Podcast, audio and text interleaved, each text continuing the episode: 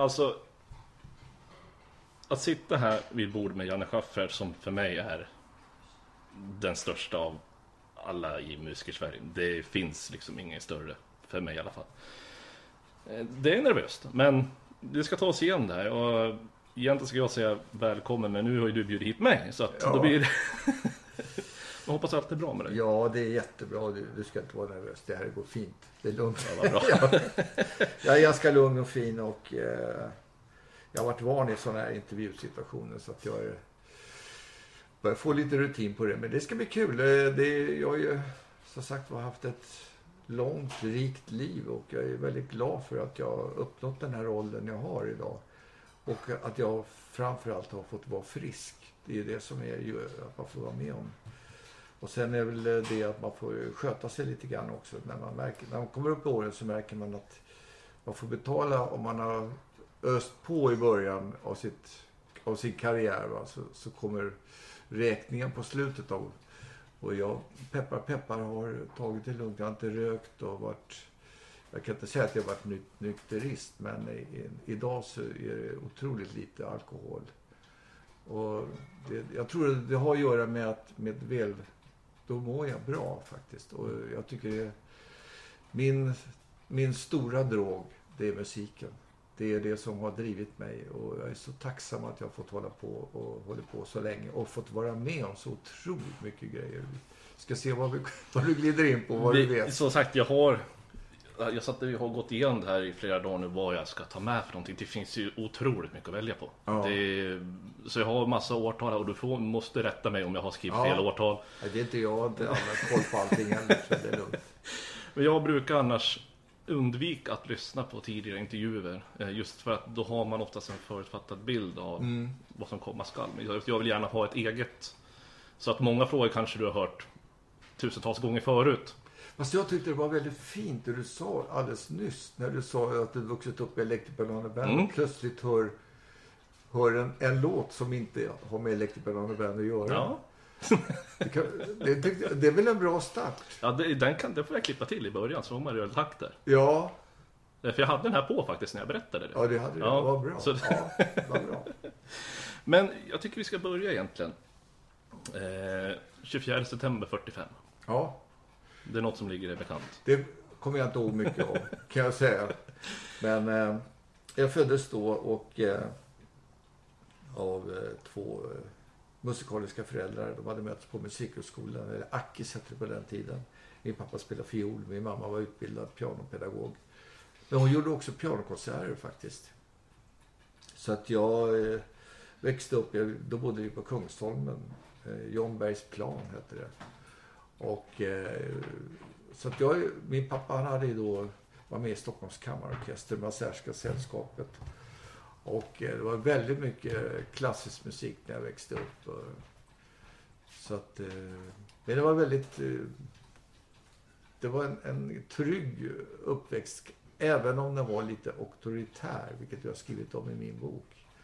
Det var väldigt mycket att sitta ner och lyda och, och inte ta egna initiativ utan man skulle lyda. Det var, så var barnuppfostran på den tiden. Mm.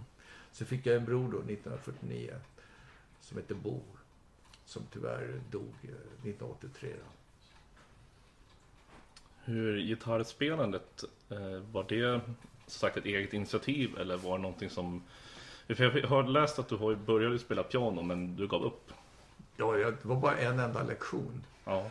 Min mamma hade haft lektioner då hemma i vårt hem och jag hade hört alla dessa elever. Och att hon tragglade med de där skalorna och jag bara kände att jag kan inte spela detsamma som, som jag har hört flera tusen gånger nu. Utan, men eh, det började, gitarren kom in i mitt liv.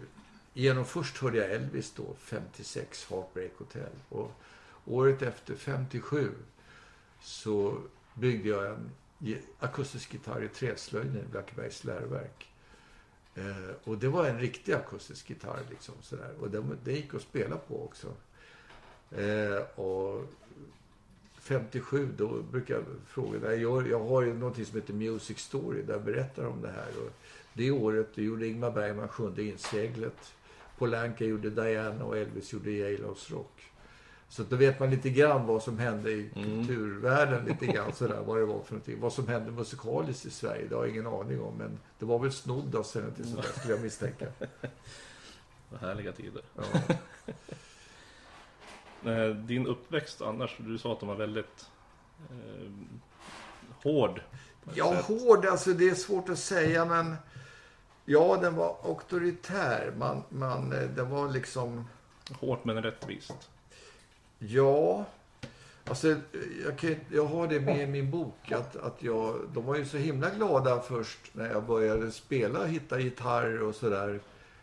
Och jag, jag sög ju i mig musik. Alltså musik är, är för mig, i mitt eh, forum, det är mitt instrument, musik. Och gitarren, jag hittade mitt instrument direkt. Och det byggde jag själv. Det är liksom lite speciellt med det. Eh, jag har inte prövat mig runt och spela flöjt. Och blockflöjt var det någonting. Så det är nästan omöjligt att spela. Det måste man vara jätteskicklig för. Eh, men men eh, man kan väl säga att, att vid ett tillfälle när jag hade börjat att spela, hitta några kompisar att spela, så, så fick jag en spelning på ett ställe som heter Lill ungdomsgård som ligger här vid Abrahamsberg. Och då säger min mamma till, till pappa som heter Tage, Tage, köp kvällstidningen och se var Jan befinner sig någonstans. Det var så man pratade på det. Mm. Var befinner han sig? Eh, och eh, ja, då, då spelade jag på Genèves ungdomsgård. Och åkte dit, genast dit och hämtade hem honom. Och då gjorde han det. Där stod jag och spelade inför publik. Och då störtade han in, rakt i publikhavet, fram till scenen och säger nu packar du ihop grejerna, nu kommer du hem och gör läxorna. Det är slut på det här. Och då förstod ju jag att det här var ju någonting som var spännande. Det som är förbjudet är alltid det mest, det lockar ju väldigt mycket. Va? Så det ökade ju bara, det hade motsatt effekt. Det ökade bara intresset. Så var det.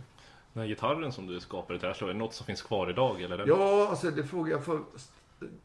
Jag vet, ja, jag har haft den hemma. Jag har ett kort på när jag står hemma på den. Och den ska finnas hemma, men jag har inte hittat den. Så jag vet inte om det är någon som har snott den eller om den ligger gömd någonstans. Spännande, kärt minne att ha kvar. Ja, ja. Det är där allting i- började på ett sätt. Ja, idag, ja, det var det. Men jag skaffade sen ganska snabbt elgitarr. Och elgitarren är ju mitt instrument, inte akustisk gitarr. Utan elgitarr är mitt instrument. Så att det, det, det är en... Jag vet inte varför det blev så. Det, det har bara gått... Det, det jag har inte haft... Jag hade ju liksom... Det man lyssnade på i början, det var ju... Det första man hörde var ju Hank B. Marvin, Shadows. Det var ju fantastiskt. Och vi, hade, vi var förband till Cliff Richard och Shadows på Kinateatern en gång.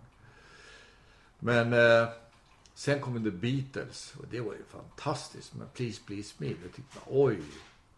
Sen kom The Yardbirds för det var så himla bra gitarrist.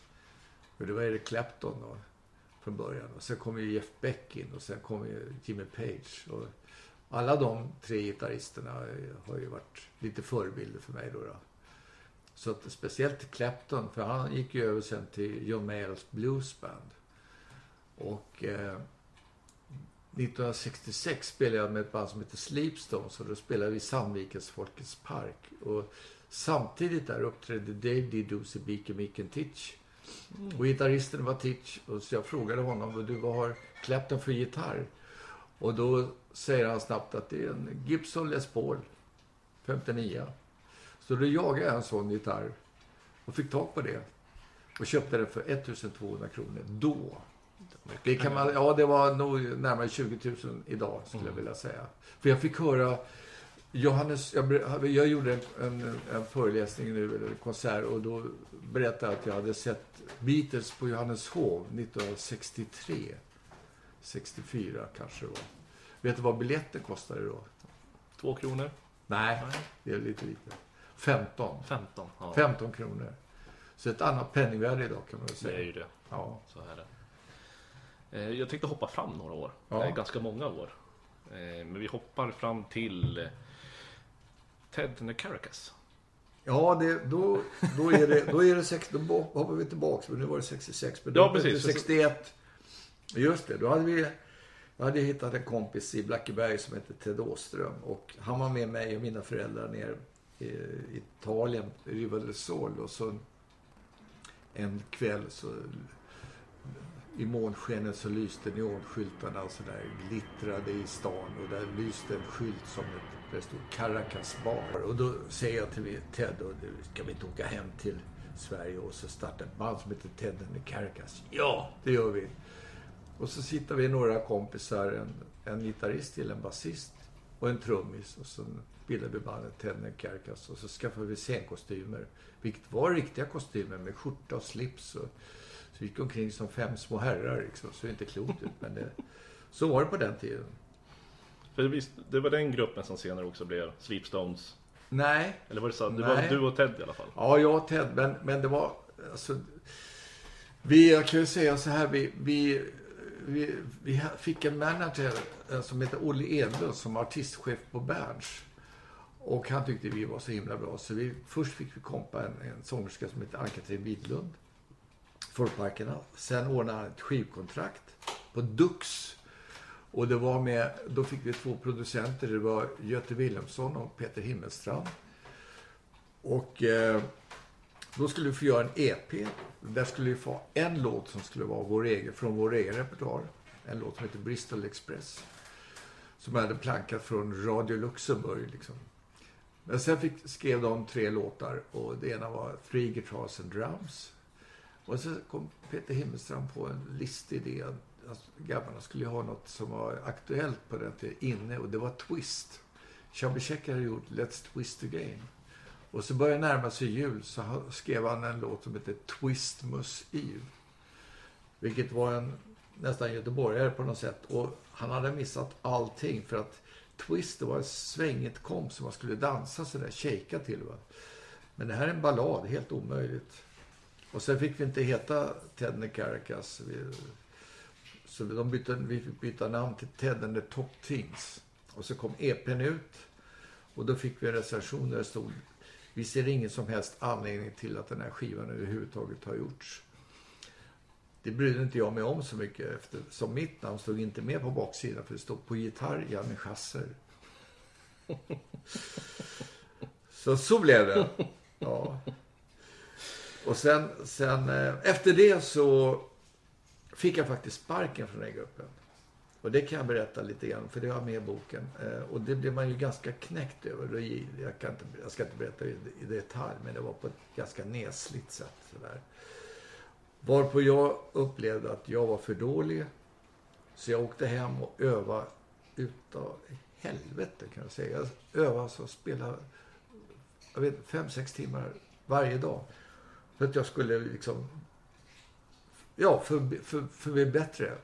Det var ju liksom egentligen var det inte det utan det var att vi funkade inte ihop. Det var en väldigt märklig historia sådär. Men jag, jag har skrivit om det i min bok därför att jag är väldigt tacksam för det. För utan, utan den sparken i ändan kan man väl säga så hade jag inte kanske stått där jag gör idag. Så att det ökade. Och det gör jag också för att ge inspiration till om det är någon ungdomstjej eller kille som inte passar i något hockeylag eller fotbollslag och, och liksom plötsligt inte kommer med så kan man ju bli lite knäckt över det. Och då, då är det bättre att man då försökte jag visa vad jag, vad jag gjorde. Liksom, att man försöker stärka sig istället. Att öva och träna så kanske man kan komma igen på ett annat sätt. Va? Och det har, man kan man väl säga att jag har gjort med råge. För man kan väl säga att en av dem som, var, eh, som gav mig sparken.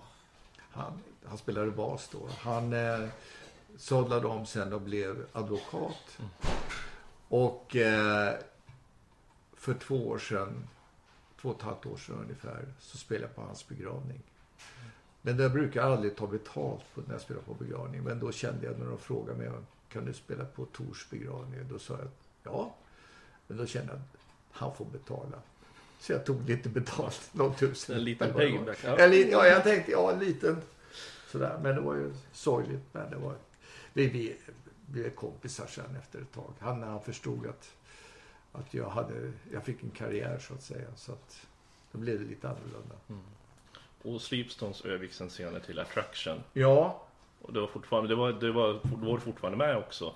Ja, alltså det var ju så här att Sleepstones var ju det, det... Jag hade ju... Mina föräldrar ville ju att jag skulle pl- plugga mer och inte spela så mycket. Och jag hade ju varit och spelat så in i Norden. Jag smet hemifrån och turnerade runt och, och eh, spelade med dans och showorkester. Det hade jag fått ledigt från plugget.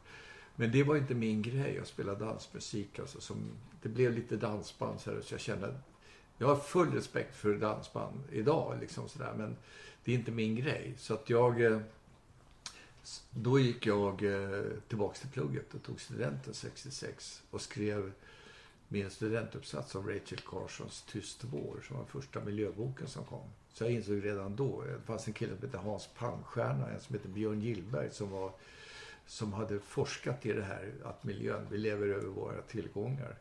Men då var det ingen som ville lyssna. Det är inte förrän idag när vi börjar närma oss en, en eh, breakpunkt, breaking point eller vad det heter för någonting, som, eh, som man tar det här på högsta allvar.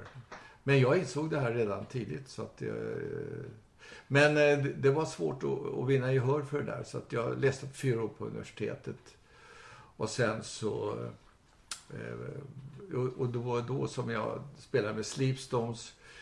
Och så fick vi åka ner till Kanarieöarna, Kanarieöarna och då, den managern vi hade, jag frågade honom innan jag åkte med till Kanarieöarna så frågade jag honom så här, får vi betalt om vi åker ner? För man, för man, det, liksom, det var ju ganska knappa förhållanden på den tiden. Vi var ju amatörer.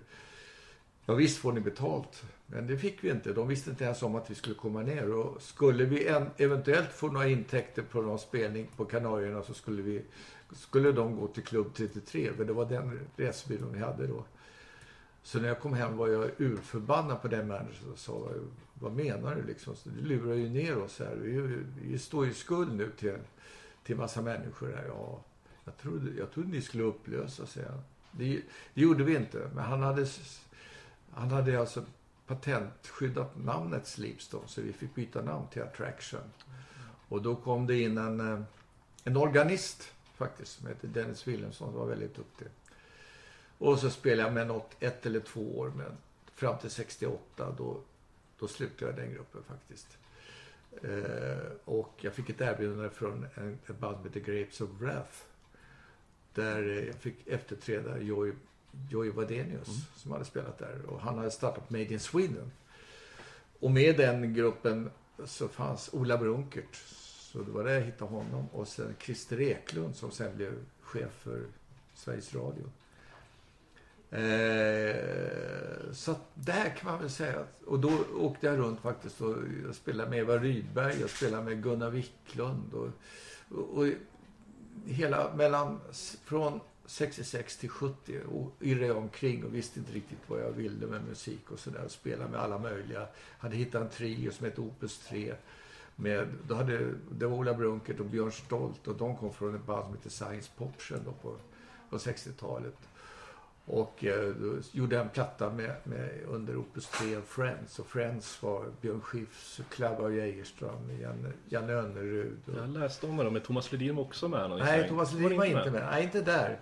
Vi gjorde en annan platta också. Och Det, det hette var, ja, The Baltic hette den så plattan. var de. Ja, Just det. Baltic. Och då var Thomas Ledin med och eh, Peter Lundblad. Mm. Jason Lind.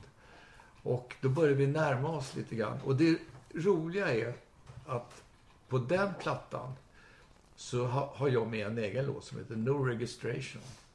Som var en av de första, ska vi säga, Fusion-låtarna jag spelade in. Den inspelningen plockade, eh, plockades upp i Hollywood förra året och blev en, gjorde Christina Aguilera en låt av som heter Sick of Sitting. Och det är ju fantastiskt att, att man har eh, att man har hittat den låten. Liksom, så Och få den är, hon använder den hela, hela sitt, eh, hela låten så att säga. Det är riffet som vi gjorde. Och hon körde den även live. Har jag kollat upp. Det ligger på Youtube. Det är jag otroligt stolt över alltså. Det vara väldigt mäktigt. Ja, det måste vara väldigt mäktigt. Ja, det är mäktigt. Ja, det, det är inte första gången det har hänt kan jag säga. Jag, vet inte om jag ska ta flera sådana här grejer när Kör man hamnat Kör bakom. på. Ja, Kör på. Ja, det, i år har jag fått reda på... Jag träffade ju Björn Jison Lind också i samma veva där i 70, 71. Och eh, då spelade det, kom hit, alltså det var ju så många som kom hit va. Och varför de kom till Sverige vet man inte. Men en som kom hit det var Lee Hazelwood.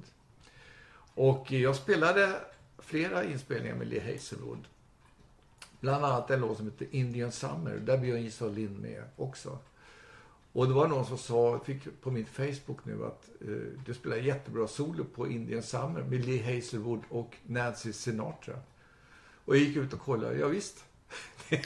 Fast solot är borttaget på när, när Nancy Sinatra kommer in. Han har ersatt mitt solo med henne. Det, men jag, det hörs ju att, att det är jag som spelar. Det hörs ju att Jason fladdrar på sin trumpet, eller sitt, sin flöjt sådär som man brukar göra. Det, det är fantastiskt stolt. Alltså det är ju många sådana här.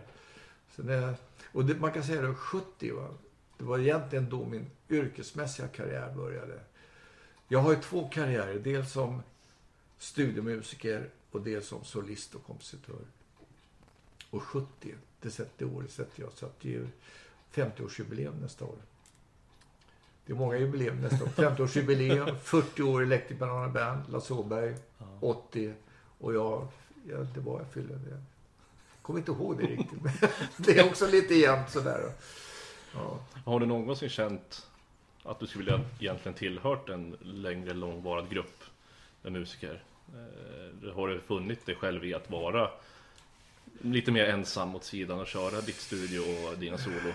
Du har ju sig Electric Banana Band då givetvis, men ja, jag tänkte om ja. du hade velat haft något jag har ju mitt band nu som jag gör. Alltså jag sammanfattar ju min, det jag gör idag. Mm. Det är ju att jag, jag hade ju ett band ihop med Gison på, på 70-talet som hette Hörselmat. Mm. I och med att vi 73 fick jag göra min första soloplatta.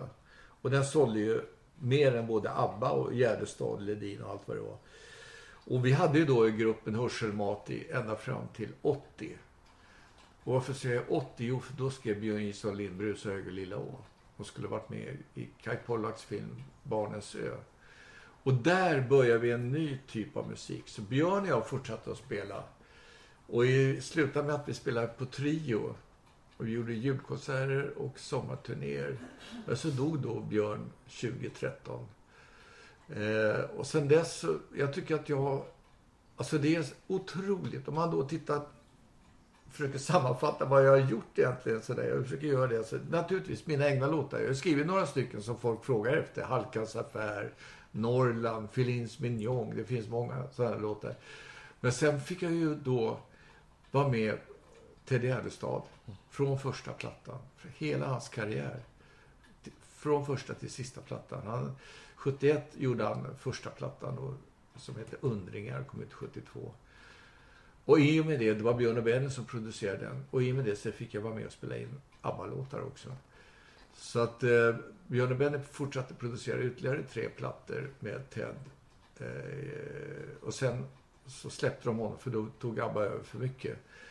Men eh, jag fortsatte ju med Ted. Vi är väldigt nära kompisar. Men så hade vi ett break på 83, 84 fram till 92. Då träffades vi igen och sen så fick jag slutföra produktionen av hans sista skiva, 94, som heter Äntligen på väg. Sen dog han 97. Mm.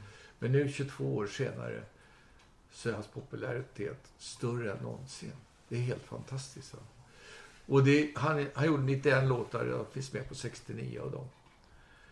Och samtidigt fick jag vara med på ABBA och ABBA har med två nya lå inspelade låtar som jag inte är med på som jag bara, som bara läst om så har de gjort 100 låtar och jag finns med då från början med ABBA eh, på 50 låtar.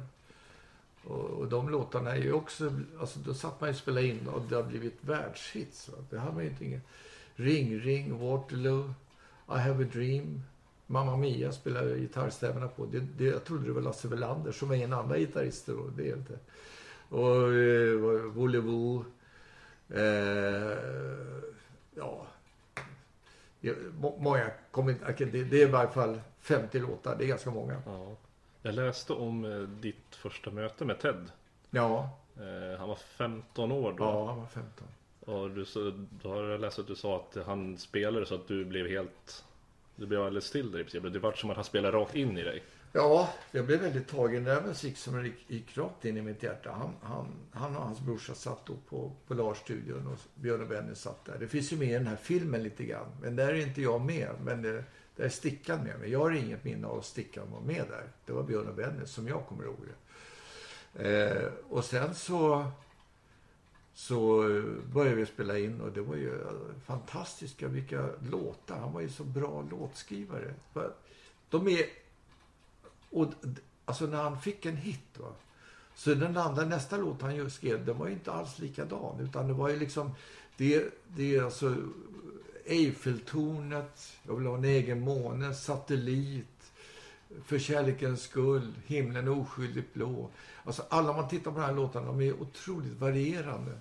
Och rätt så krävande av musikerna. Så alltså. att det var ju väldigt kul att spela in med honom. Alltså det är, allting som är svårt tycker jag är kul.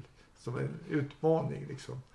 Och det är samma med ABBA också. Det är bra låtar. Det är ju det som är grejen. Så jobbade vi väldigt mycket för att få ihop arren, grundarren som de... Och man kan säga både Ted och ABBA var, alltså beroende på, speciellt Ted, hur alltså, ska vi säga, hur kompet blev, hur, hur stämningen blev på, på låtarna. Han hade inga texter. Då. då skapades texten efter hur det lät.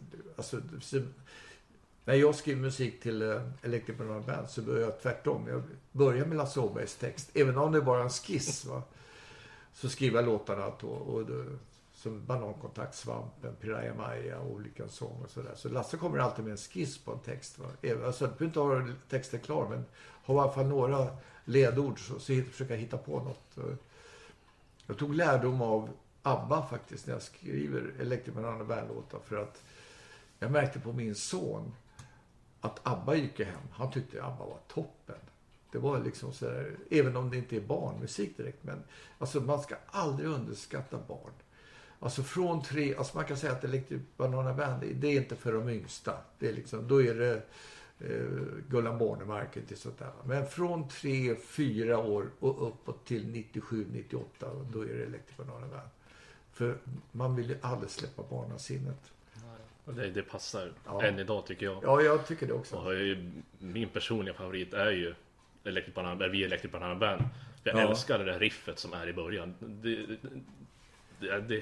det, var, det var så man gjorde musik där på den tiden. Alltså. Ja. Man ska, ska, skaffa riff och, och liksom sådär. Så att det, och det lite, lite mer fart i låten också. Den... Det finns en, en identitet. Va? Nu, dagens musik, det, det, då bygger man upp nästan samma harmonislingor fast man sjunger två olika melodier mot samma melodislinga. Och, liksom sådär. och sen är det ju väldigt mycket programmerat idag. Eh, och det är inget fel med det. Det är, det är klart man ska utnyttja tekniken som kommer. Men, men, och jag är med och spelar in på väldigt många nya. Kanske inte någonting som har slagit igenom riktigt än. Men, men, men samtidigt så samplar man ju mina gamla låtar. Och, och kanske finns ett värde i det. Vad vet jag. Det, det, det, det är ju samma med ABBA också och Ted också. Och Electric Band. Det är inspelat live liksom. Och sen med, med musiker som sitter runt och ser varandra i ögonen och lyssnar in varandra. Sådär. Det blir någonting, det händer någonting då som man inte kan förklara.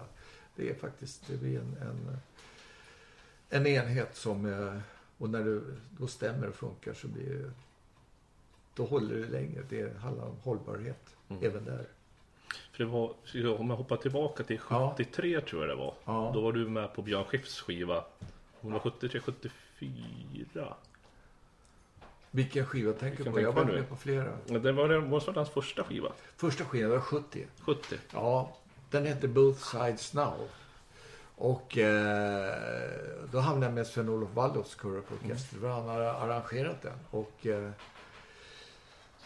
då spred det sig som en löpeld att det har kommit in en ny ung gitarrist. Liksom. Så alltså, bara två dagar senare blev jag uppringd av Lasse Samuelsson som frågade jag hört att du tar grammisar. Så, så fick jag vara med på Anita Lindblom Anita Lindblom då. Och sen så ringde Marcus Österdahl och var jag med och spelade med, vad kunde det vara, ja det kunde vara Family Four eller Glenmarks eller Bruno Glenmark han arrangerade också. Mats Olsson. Mats Olsson arrade för Lee Hazelwood en hel platta som jag var med och spelade på. Som, där det finns en låt som bara är instrumentalt men långt gitarrsolo som Lee Hazelwood sen använde till som signatur när han hade sin Las Vegas show. Den heter Las Vegas kan du gå ut på, på Spotify och, och Youtube och lyssna på. Men sen finns det ju den här klassiska grejen också som är, kanske har blivit en nästan mytomspunnen. Eh, som hände 1971. Då hade jag spelat, träffat en kille som heter Reebok Kwakuba. Eh, afrikan från Gambia. Och jag hade gjort en platta med honom. Och jag var en del jazzmusiker. Det var Bobo Stensson, det var Uffe Andersson och jag och några till. Och han ringde mig och frågade om jag hade lust att vara med på filmmusikinspelning. Och då tyckte jag, ja visst, det var kul. Vad är det för film? Ja, du vet, kommer hit en amerikansk solsångare, heter Johnny Nash. Han ska skriva musiken och spela huvudrollen mot Kristina Skolin. En film som heter Vill så gärna tro. Ja, vad kul. Ja. ja. Och Johnny Nash kommer till Sverige med musiker, arrangörer, manager. Och så hyr de in sig en villa i Nockeby. Jag vet exakt vilken adress. Och så eh, blev vi kallade till studion. Och så, man brukar ta en, två, kanske tre dagar. Det här tog en vecka. Två veckor. Vi gjorde om och vi gjorde Today we try this och sådär. Vi satt där från klockan tio på dagen. De kom, vi ramlade in vid tolv ett någonting. Så vi satt bara och tickade liksom. Fick väldigt bra betalt. Och så plötsligt en dag så säger, ringer Johnny Nash upp mig och säger Janne come to the house, I'm gonna show you some new music for my new album. För att vi hade förstått att han gjorde en massa demoinspelningar till sin nya platta.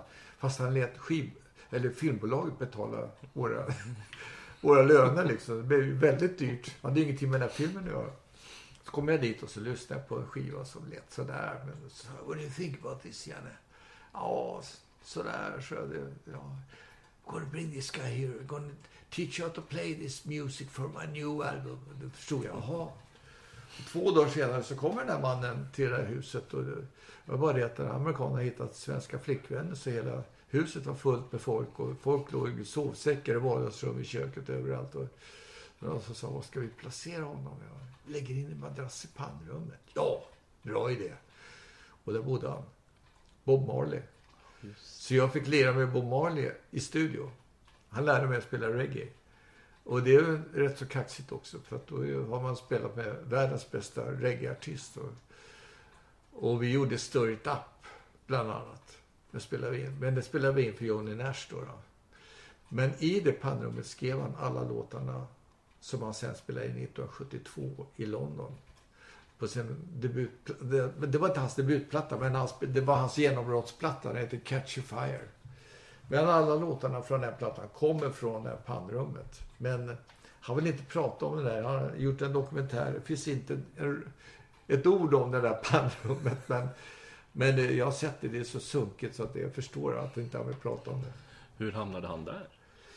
Det, jo, det vet jag. För att det var så här, Johnny Nash hade varit på Jamaica och hört Bob Marley och tyckte att han var fantastisk låtskrivare. Och så skulle han då göra en ny platta. Va? Och så fick han det här jobbet då som med film, svenska filmen, att skriva musik och spela huvud och vara med och agera också. Men då tänkte jag, då passade jag på att göra lite demolåtar och hitta duktiga svenska studiomusiker. Ta hit den där låtskrivaren då. För det var ju låtskrivare. Mm. Han var där, inte som artist, utan låtskrivare. Så att eh, det var så, det var så Bob kom dit. Och sen så åkte de till London och, och spelade in. Och resten är historia. Sen dog han 81. Han dog bara 10 år efteråt.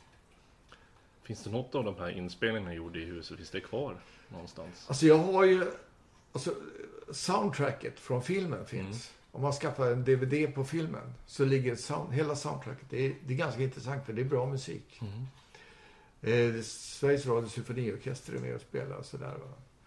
Och med på trummor är Ola Brunkert också, som sen kom med i ABBA-grejen där också. Så vi lär oss, som man kan höra på Tropical Love Land och... Eh, kommer inte ihåg vad den andra låten heter. Eh, Sitting in a palm tree. Det är typiskt influenser från, vi lärde oss av Bob. Eh, faktiskt, det var, nej, det var så himla Alltså, man har ju gått i musikskola, levande musikskola. Liksom, inte för, de lärarna är liksom inte så dåliga. Det, sen hamnade jag också med Radiasgruppen väldigt mycket och spelade med, med Dompan och Rune Gustafsson fick jag träffa. Han lärde mig mycket också. Utan att visa mig några ackord, men just sättet att spela, sättet att förhålla sig till musik. Och framförallt Björn Iso Lind var en stor läromästare för mig. Hur man gestaltar musik. Det, Otroligt. Och ni hängde ihop. Ni var ju mm. väldigt tajta hela vägen. Ja, det var vi. Eh, jag tror inte det fanns någonting som jag har försökt hittat någon spelning någon som han inte är med på, som ni, inte, som ni separerade ifrån. Det var väldigt mm. sällan som du var utan honom på scen. Ja, från 70-talet där. Vi bildade den här gruppen då, Hörselmat. Och vi, vi var ju med på... Jag är med på hans platta, han är med på mina plattor. Så är det. Så hjälpte han mig att arrangera. Jag spelade in en platta 1977 också i Hollywood. Och då fick jag ju välja studium, eller musiker. Jag tog, det var bara Björn jag tog med mig. Så hade vi en, en engelsk pianist som bodde där som jag hade träffat som heter Peter Robinson. Som spelade med Brand X och Phil Collins. Och så valde jag en trummis som hade hört på en skiva hemma. Det råkade vara Jeff Porcaro. Så hade vi ingen basist. Och jag, vi kan ta brorsan, Mike Porcaro då. Så blev det slagverket. Ta ju farsan, Joe Porcaro. Och så kom Steve Porcaro in sen på slutet också. Och nu, i år, så har det faktiskt gjorts en norsk dokumentär om den skivinspelningen. Hur sjutton gick det till när Janne Schaffer fick spela in en, en platta i Hollywood 1977 med de tyngsta studiomusikerna? studiemusikerna. För vad då de bildade Toto. Det var samma år. Och eh, den filmen har premiär på Nalen den 29 september. Och det, sen håller, kan, kan komma sen på television också, hoppas jag. Och med den filmen är då Björn Ulvaeus. Pratar lite om ABBA och eh, Steve Porcaro är med intervjuad. Och så finns det en liveupptagning som jag gjorde i Montreux. När jag spelar alltså med Billy Cobham trummor. Eh, Fosse Jansson bas. George Duke, Bob James keyboard. Maynard Ferguson trumpet. Stan Getz saxofon. Dexter Gordon saxofon. Hubert Laws flöjt. Eric Gale gitarr. Steve Kahn gitarr och sådär. Ja, det är himla massa. Det är overkligt att se sig själv där mitt i den samlingen alltså. Men, och det var, då satte jag med hela min karriär på spel. Att om jag inte fixar det här då, då lägger jag ner. Men jag gjorde ju det. Här sitter jag ju fortfarande. Så det, det var kul. Ditt första möte med eh, Björn och Benny. Ja. Hur gick det till? Ja, det var, det var genom Ted. Mm. Eh, och grejen var det att och då hade det bokats upp en, en eh, studio då, som Metronomstudion. Där jobbade Mikael B. Tretow. Så allting är tillfälligheter. Då. Och förmodligen så kände väl Björn och Benny då att, att det här funkar ju bra med, med de här musikerna. Funkar. Vi, vi var ju kreativa. Inom reklambranschen kallas det för kreatörer. Man har ju någon som har sprutar idéer. Va? Man ska göra affischer, göra reklamannonser, göra reklamfilm och sådär.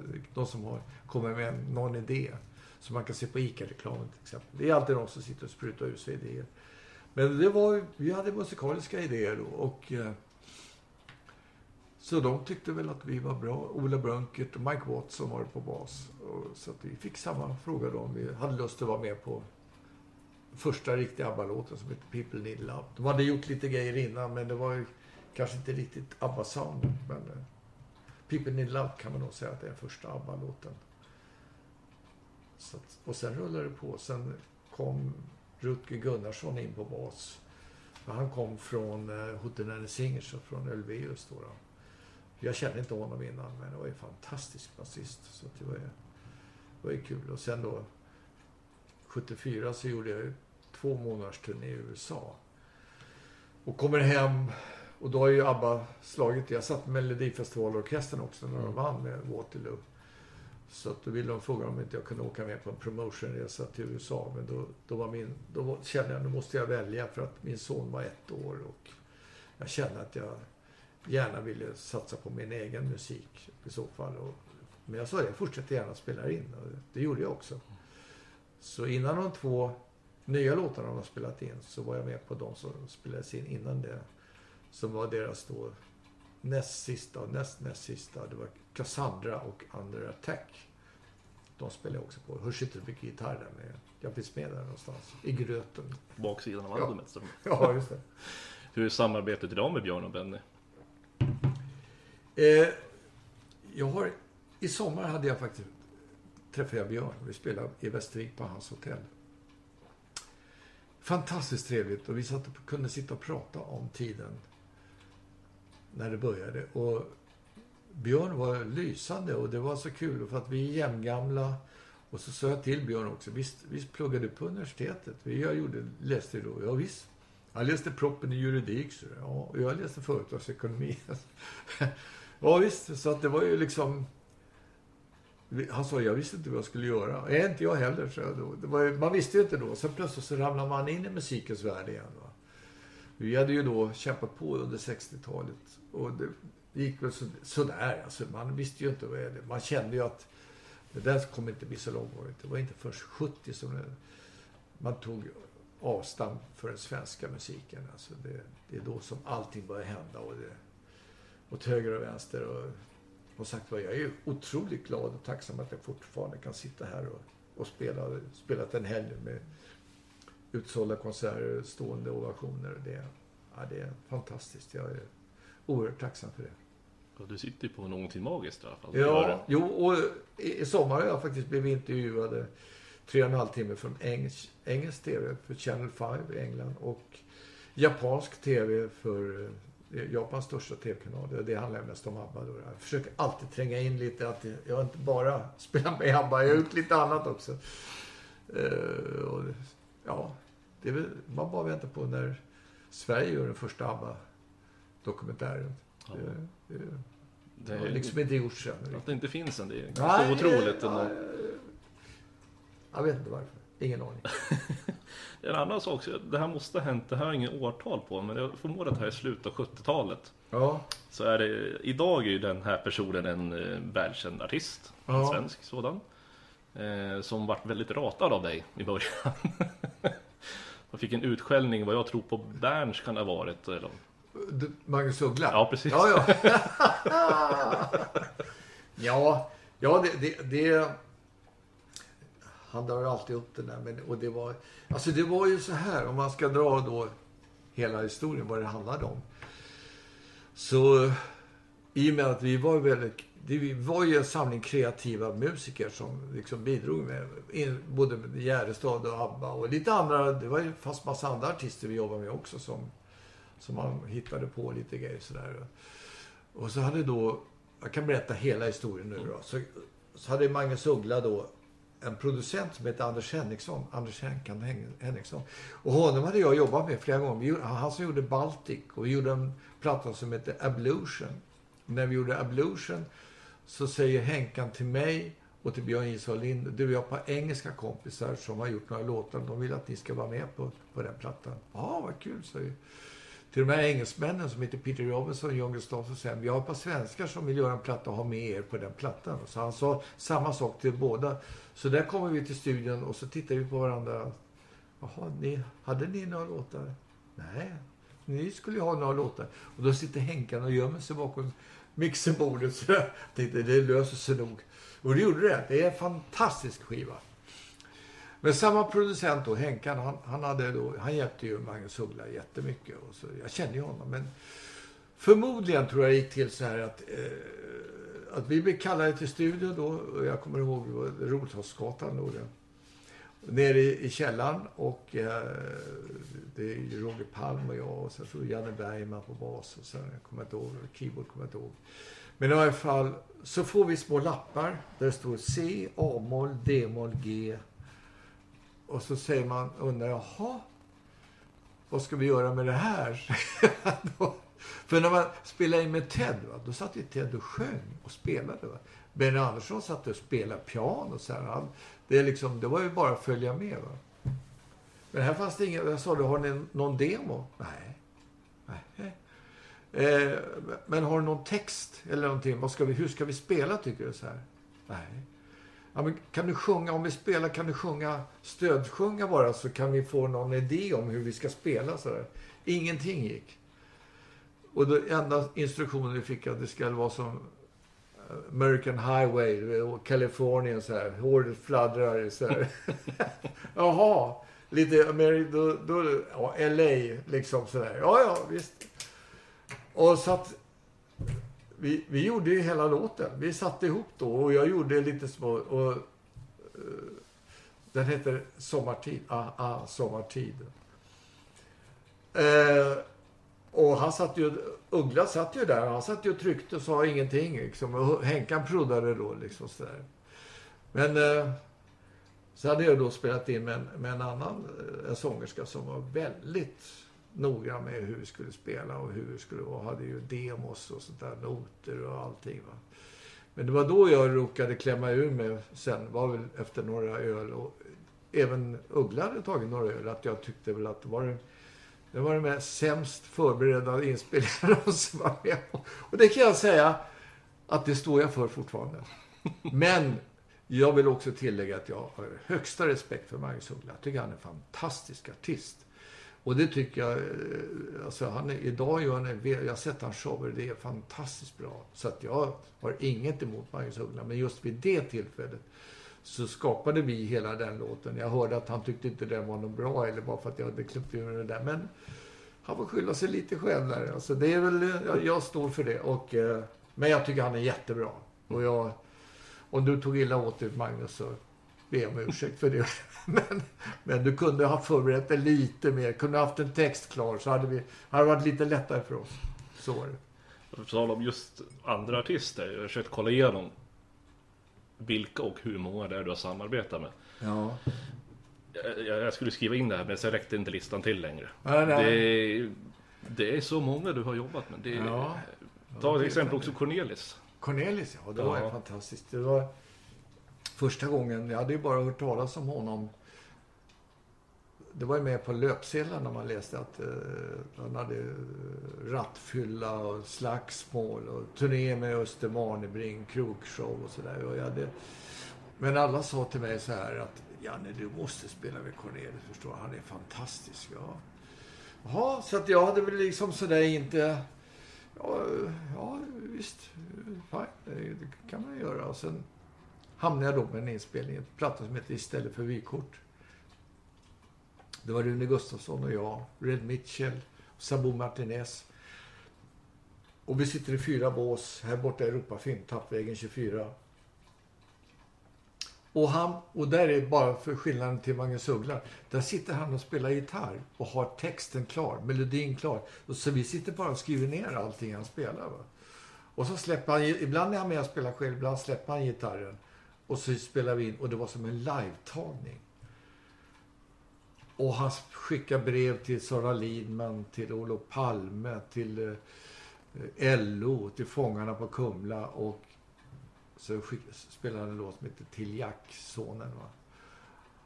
Och då höll jag på att tappa hörlurarna. Vilken text, vilken tyngd, vilken timing alltså. Det var ju fantastiskt. Så att eh, det är bland det häftigaste jag upplevt i en studio. För att allting var live. Det var liksom direkt. Text och musik, allt. Det var liksom färdigmixat och klart. Men sen gjorde vi, sen var jag med på en plats som heter Getinghonung. Och en som heter Nargnister. Och så producerade Björn en platta som heter eh, om Victor Jara. Och eh, den är fantastiskt bra. Det, han översatte ju då från portugisiska till svenska. Han kunde ju det. Han, han var ju otroligt språkbegåvad. Och, jag vet inte om det, men det är med i filmen också. Han blev ju alldeles svensk medborgare. Nej, precis. Han ville ju, de ville att han skulle lära sig svenska. Det finns väl ingen som kunde det svenska bet- språket bättre än, än en holl- född holl- holländare. Så att, eh, nej, det var, det var en, sen var det en väldigt speciell människa, men jag vet att det fanns väl lite, det var väl lite stökigt i hans liv runt omkring. Men jag var aldrig med i de sammanhangen. Så att, eh, jag bara mötte honom bara i studio. Och så ett tv-program också som var live. Också fantastiskt. Så att, eh, ja. Han har etsat sig kvar i mitt minne ordentligt. Faktiskt. Jag tänkte just på det också med att många som du har jobbat med har ju också eh, gått bort relativt Ja. ung, ung ålder. Ja. Hur hanterar man sånt egentligen? För nu är det ganska många som har försvunnit efter vägen. Ja, det är det. Fram tills idag. väldigt- Ja, det är det. Det är, det är jobbigt när det händer. Det var jobbigast det var Jason då som dog Mm. 21 december 2013. Det var jobbigt med Ted också.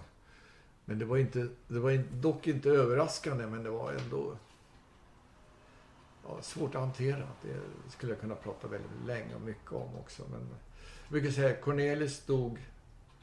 Elvis dog 77. Cornelis dog 87. Och Ted dog 97. Det är tio år mellan tre personer som har betytt mycket i mitt liv.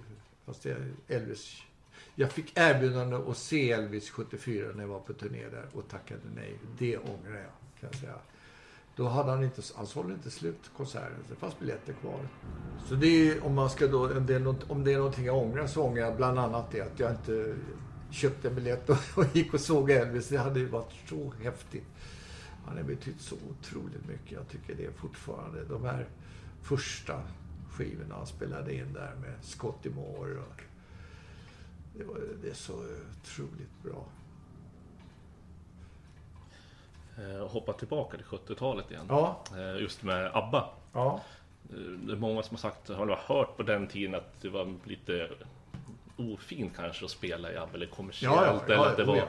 det fanns en otrolig polarisering på, på 70-talet. Då hade en progmusiken hade slagit igenom då, så att det var ju... Och progressiv, det är ju framåtriktat, framåtskridande sådär va. Men i Sverige betyder det politiskt. Alla texter skulle vara politiska, men eh, det var ju inte ABBA. Så att eh, vi, vi fick ju mycket skräp på den tiden, Jason och jag då. Vi, var ju inte med i ABBA, men jag var ju det. Uffe Andersson spelade med ett band som hette Eggband. Men han var också jazz, en av Sveriges bästa, han är en av Sveriges bästa jazzmusiker. Eh, men vad ska jag veta, vad gjorde jag samtidigt som inte syntes? Jo, jag gjorde en, en platta med Finn Zetterholm och Pierre Ström som heter Första maj. Bara kampsånger, inget vidare kanske, men ändå. Eh, Björn Ison och jag gjorde en platta med Lena Granhagen. Och den ena sidan är det Wolf Biermann. Som man kan säga är väl Tysklands Cornelis. Otroligt politisk. Och den andra är Theodorakis. Och eh, Wolf Biermann tyckte den plattan var otroligt bra. Det är kanske inte så många som vet vem Wolf Biermann är. Men han lever fortfarande idag. Ja, jag känner i alla fall inte till. Nej, men han var väldigt politisk. Och det var ju Theodorakis också. Så att det, vi gjorde, vi gjorde sådana här skivor. Så att vi hade, vi, vi, det vi siktade in oss på det var när det var bra musik. Och Victor Jara-plattan är otroligt politisk. Det är fantastiska texter. Alltså det är så bra översättningar och Victor Jara var ju en otroligt... Om man lyssnar på Victor Jara original så låter det som slager nästan. Va? Men det var ju politiska texter. Så att, eh, men det, sen är det...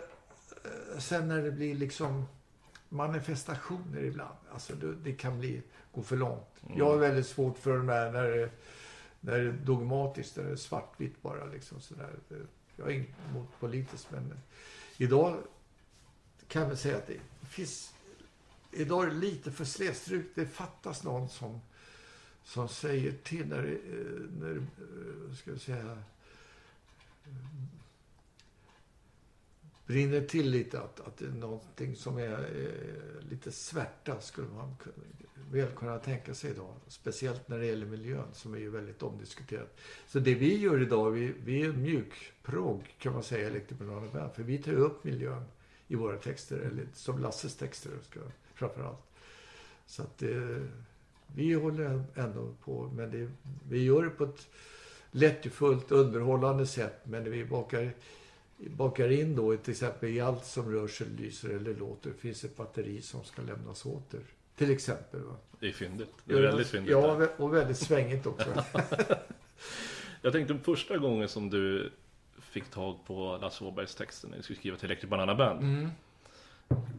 Hur var tankarna då egentligen? Det måste ju ha varit väldigt annorlunda att se de typ av texter. Ja, alltså för det första så var, när vi gjorde det första, allra första, då, då var det inte Lasse som skrev och jag som skrev låtarna, texterna, låtarna, utan de, det var en kille som hette James Hollingworth och Karin Ljungman. Det finns en låt som heter Electric Banana Band och det är James Hollingworth och Karin Ljungman som har skrivit den. Men i övrigt sen, det första som hände var att Lasse skrev versen på Banankontakt. Och eh, det är ett skimmer över staden och så vidare. Och då satt jag hemma och försökte göra något ackord på det där. Men sen så tänkte jag att det måste finnas en refräng också. Då försökte jag, jag hade lite, in, ska jag säga, hade lite intryck av Povel Ramel. Så här, jag leka med tänderna. Så sa jag, jag har skrivit en grej Lasse, kan inte du skriva text? Ja, vi tar det i studion. Så vi kommer till studion, så börjar vi spela in. Samtidigt som vi sitter och spelar in.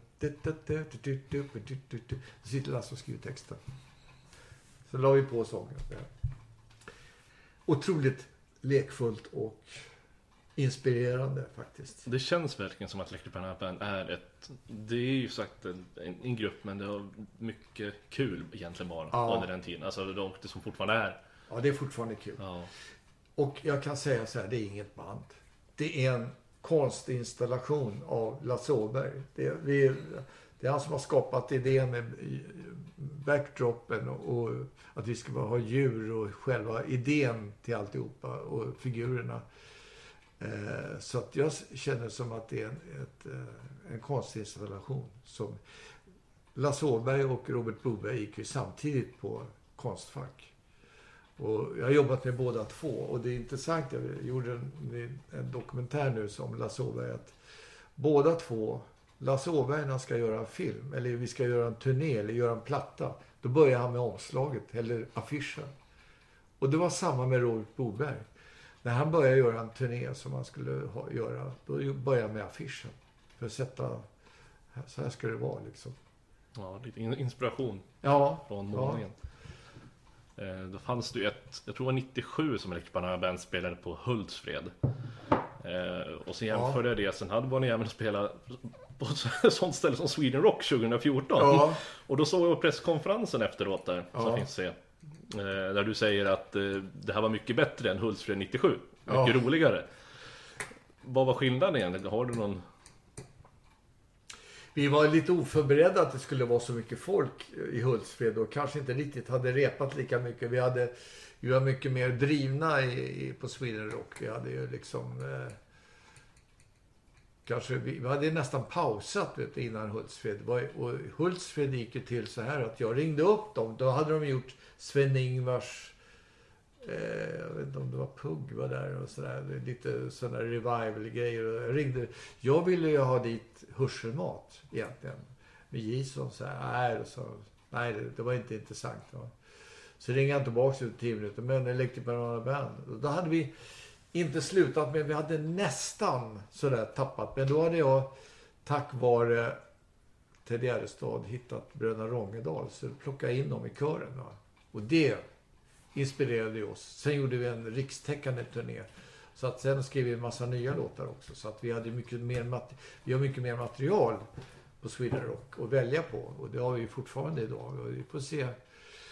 Men det största vi gjorde med Electric Band som jag tycker det, det, är att vi, det var en musikal som gick upp på Malmöoperan. Det är fortfarande det, det, det är höjdpunkten tycker jag. Det, när vår musik text och musik. Last, Lasse skrev ett manus till eh, hela den här musikalen och jag skrev musiken. Massa extra låtar. Så det var en hel symfoniorkester, kör, statister, solister. Det var helt fantastiskt. Och jag skulle så gärna vilja att den gick upp igen. Både Lasse och jag. Det har varit krafter som har velat sätta igång den. Va? Det finns ju ett manus. Det finns ju alla låtarna. Idag så är det ju liksom sån där jukebox-musikal. Det är ju populärt som tusan. Va? Och det finns ju med Elektrobanana Och vi behöver ju inte vara med. Va? Det finns de nya unga musikerna och sångarna som kommer. Det finns ju hur många som helst skulle fixa det här och göra det jättebra. Till och med bättre än vad vi gör kan jag säga. Det tror jag. Hur blev du zebra egentligen? Lasse, Lasse ringde till mig 80 då och frågade. skulle göra en ny serie Trasan Apansson. För att de hade alltså de hade eh, raderat en hel serie, första som skulle sändas i repris. Som kompensation fick jag göra en ny serie då. Och då ringde han till mig och frågade om jag kan, ville vara med i Electript med några vänner. bilda ett band. Ja.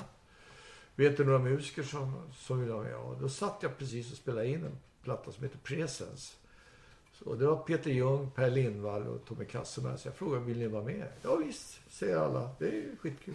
Det enda han inte talade om för oss då, det var att vi skulle vara utklädda till djur. Det, det, det, blev, det blev på köpet så att säga. Jag ska inte nämna några namn, men det är väl någon där som inte tyckte det var sådär jättekul. Så men idag är det så här att det är svårt att spela de låtarna utan att vara utklädda till djur. Och det är Lasse som har valt vilket djur det ska vara då. Det tur man inte krokodil. För det var någon som började checka upp någon här igår. på radio. Oj, oj, oj. Vi skulle kunna sitta här hur länge som helst och prata. Ja, visst. Det... Vi har inte börjat än. Nej, nej, jag glömde sätta på micken. Nej. ja, just det. Oj. Eh, ser nu vart det lite break här i alltihopa. Det finns så mycket att lyssna på. Oj, oj, oj. Eh, just nu aktuellt så är det ju ute med Janne Schaffer Music Store. Det Ja. Det är jag.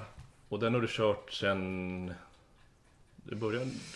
Det var så här att det som började triggade mig, det var ungefär 10 år sedan, 10, 12, 13 år sedan så spelade jag på ett företagsgig i, på Hotell Gotia i Göteborg med Björn Israel Lind. Och efteråt är det en lätt överförfriskad man som raglar fram med det. Fan Janne Schaffer vad du spelar bra. Jag så tycker det ja. Du spelar lika bra nu som du gjorde då när du var som bäst. Och det, då tänkte jag så här, jaha, tycker han det? Då kanske man skulle göra någonting av det. Och sen, då skrev jag en bok och sen gjorde jag en box på alla mina samlade plattor. Och eh, sen så gjorde jag, genom Riksteatern så gjorde jag en föreställning då. Men sen dess har det ju hänt massa grejer. Så det händer ju grejer hela tiden. Så jag fyller ju på det här. Eh, Så att det finns ju nya historier att berätta hela tiden. Så att, eh, och, och det är lite olika varianter nu i år. Nu den här helgen så var det ju då att Björn Israel Lind skulle ha fyllt 75. Och det kommer han göra i år. Jag kommer ju till Västerås den 26 oktober. Jag ska spela med symfoniorkestern. Och eh, vi har plockat fram en del Gisson-låtar i Gisson-arrangemang. Och, och sen ska jag spela också med, i Piteå med eh, Piteå orkesterförening. Det är också eh, kommer jag lyfta fram Gison. Han var ju, det tycker jag, är den största musikern jag har spelat med. Oerhört skicklig alltså. Både på flöjt och piano och som kompositör. Och sedan så ska jag göra Gislaveds orkesterförening också då. Så att det är en... Eh, eh, Och sen gör jag massa konserter. Jag ska göra en, en, tre konserter i, i en grotta i Stenungsund. I samband med en utställning av en glaskonstnär som heter Kjell Engman. Som är, han gör glas, alltså elgitarrer i glas. Som inte går att spela på, men det är fantasigitarrer men ändå oerhört vackert. Han är jätteduktig. Det är en av de största efter uh, Hydman Valien som de heter då. Men eh, så det ska bli kul. Det är, det är så många olika grejer. Och sen då så har jag levererat musik till en magiker som heter Pontus Lindman som har, är på väg att uppträda i både England och USA. Som, jag är väldigt förtjust i att bli lurad. Alltså magiker och trollkonstnärer. va. Det, är- det är Joe Labero, det är underbar. Men den här killen, jag har, inte, jag har bara sett ett klipp. Men han är alltså med, inte, han är inte, han inte trollkarl. Han skulle nog inte gilla att kallas för trollkarl. Han är en magiker.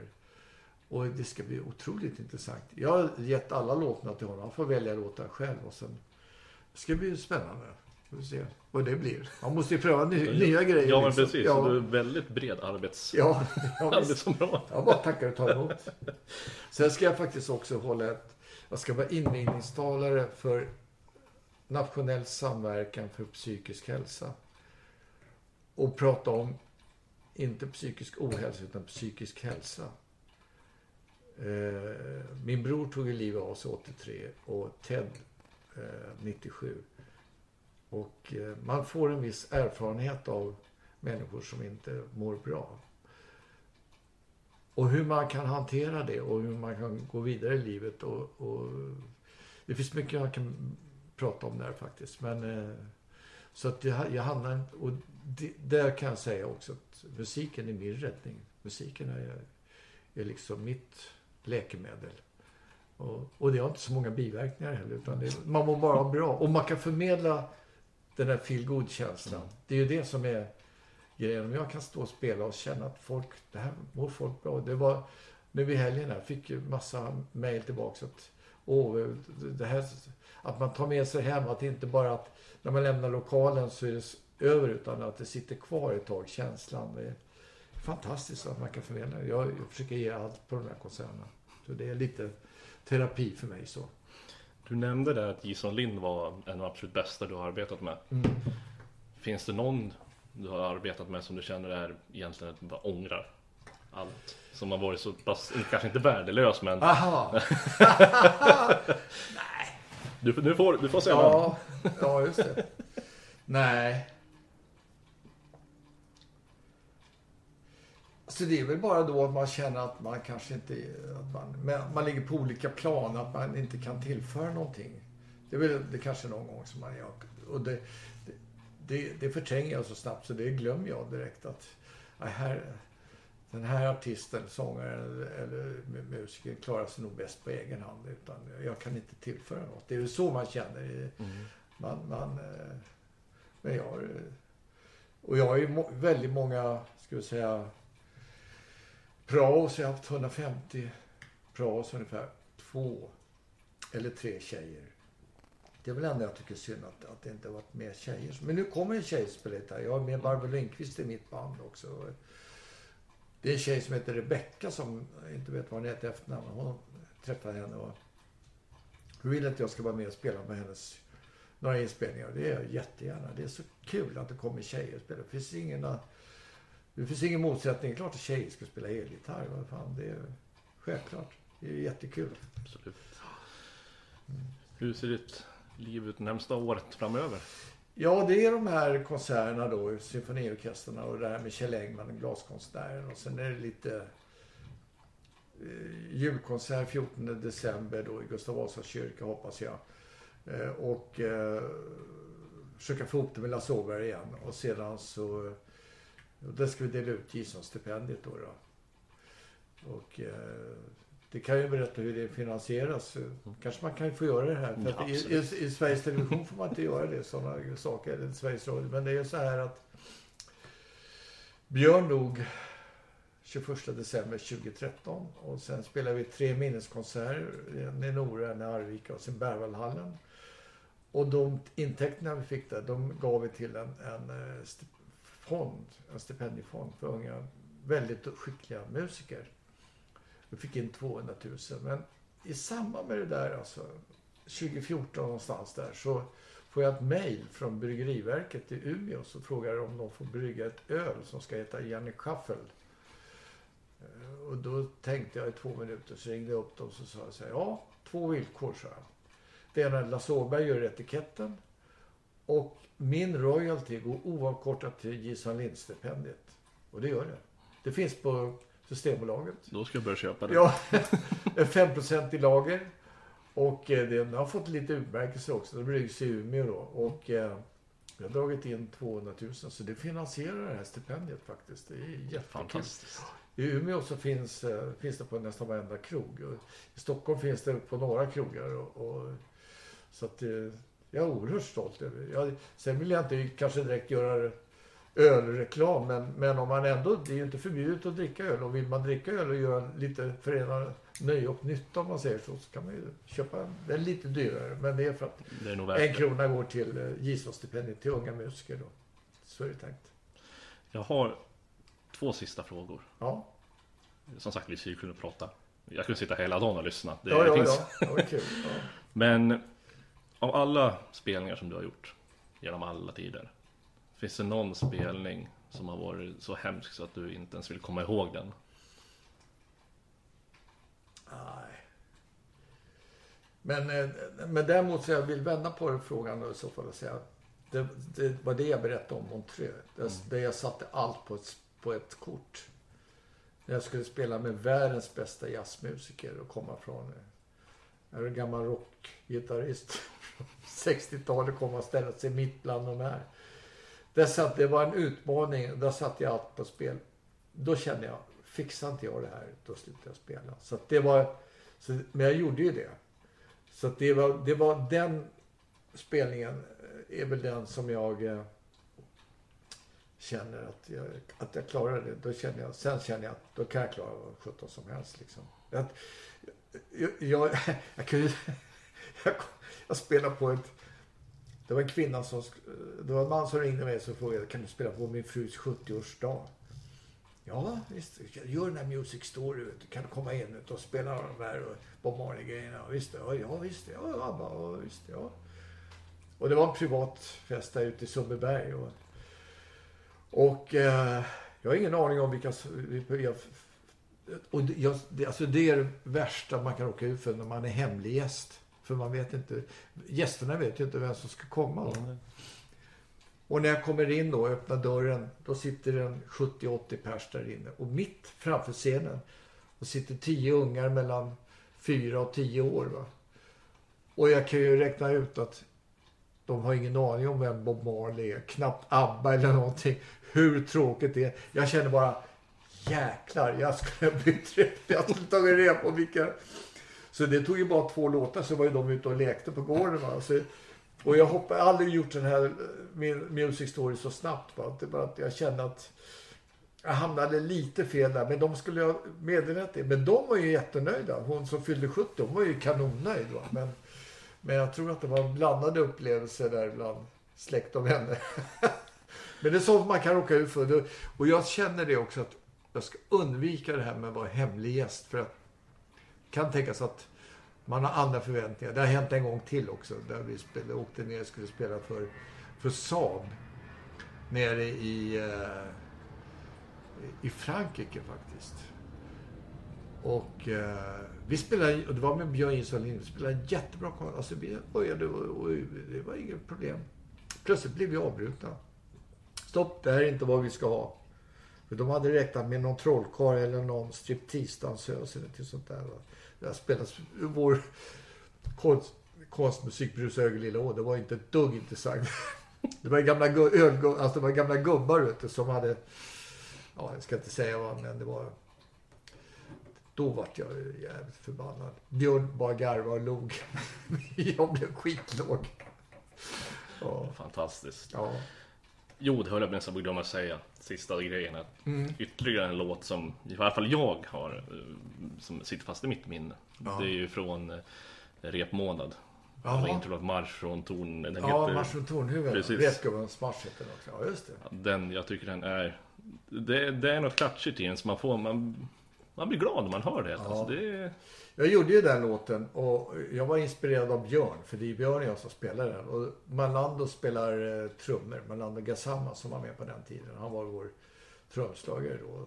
Det, det var jättekul att spela in den. Och, och den, skulle, den skulle vara lite... Alltså, repmånaden handlar ju om gamla gubbar som ska göra lumpen då. Så att jag vill inte ha en det är lite marschtakt. Mm. Den snubblar lite sådär. Precis. Det, det, det, var tanken i den låten faktiskt. Att jag skulle, det skulle vara sådär. Inte, jag snubblar hit och dit. Nu går jag inte riktigt i takt. Nej, och, så, så, så är den låten skriven. Det var jättekul. Jag har gjort musiken till ytterligare två av Lasses filmer. Det, Björn och jag delar på Hälsoresan. Björn Isolin och jag. Alltså, och sen så gjorde jag då till Stig Helmers Story. Där har Lasse skrivit några texter till låtar som inte är Electric Banana Band. Mountain High tycker jag är väldigt bra som Johan Bodin sjunger och, och Bebop Bop också. Det är en parafras på 60-tals eh, låtar, poplåtar liksom. Det är skitkul. Det är fortfarande vansinnigt roligt att jobba med Lasse Åberg. Det är vansinnigt kul. Jag ser bara framför mig, ni två ihop är ju verkligen uppfinnarnas uppfinnare med allt möjligt runt omkring både musikaliskt, textmässigt och det finns hur mycket som helst. Ja. Eh, men jag eh, känner att vi börjar nästan lite runda av. Ja. Det är stort tack att du ville vara med. Det var verkligen Tackar så mycket. Jakob. Det här tyckte, kändes väldigt bra. Det var kul att sitta och prata med dig så här. Ja. ja, vad kul. Eh, när lägger du ut det här? Från och med idag så tar det ungefär en, jag skulle säga en tre, fyra dagar. Men jag säger måndag, tisdag nästa vecka. Du kan vi skicka en länk då bara så lägger jag ut det på min Facebook. Ansiktsboken. är det något sista som du skulle vilja säga? Något som ett... Nej, jag... Jag tror jag har tömt ut det mesta. Jag kan ju prata om allt möjligt konstigt. Men jag tycker att det här blev... Jag tycker det här blev väldigt bra. Jag tackar så mycket för samtalet Jakob och önskar dig lycka till. Tack själv. Tack.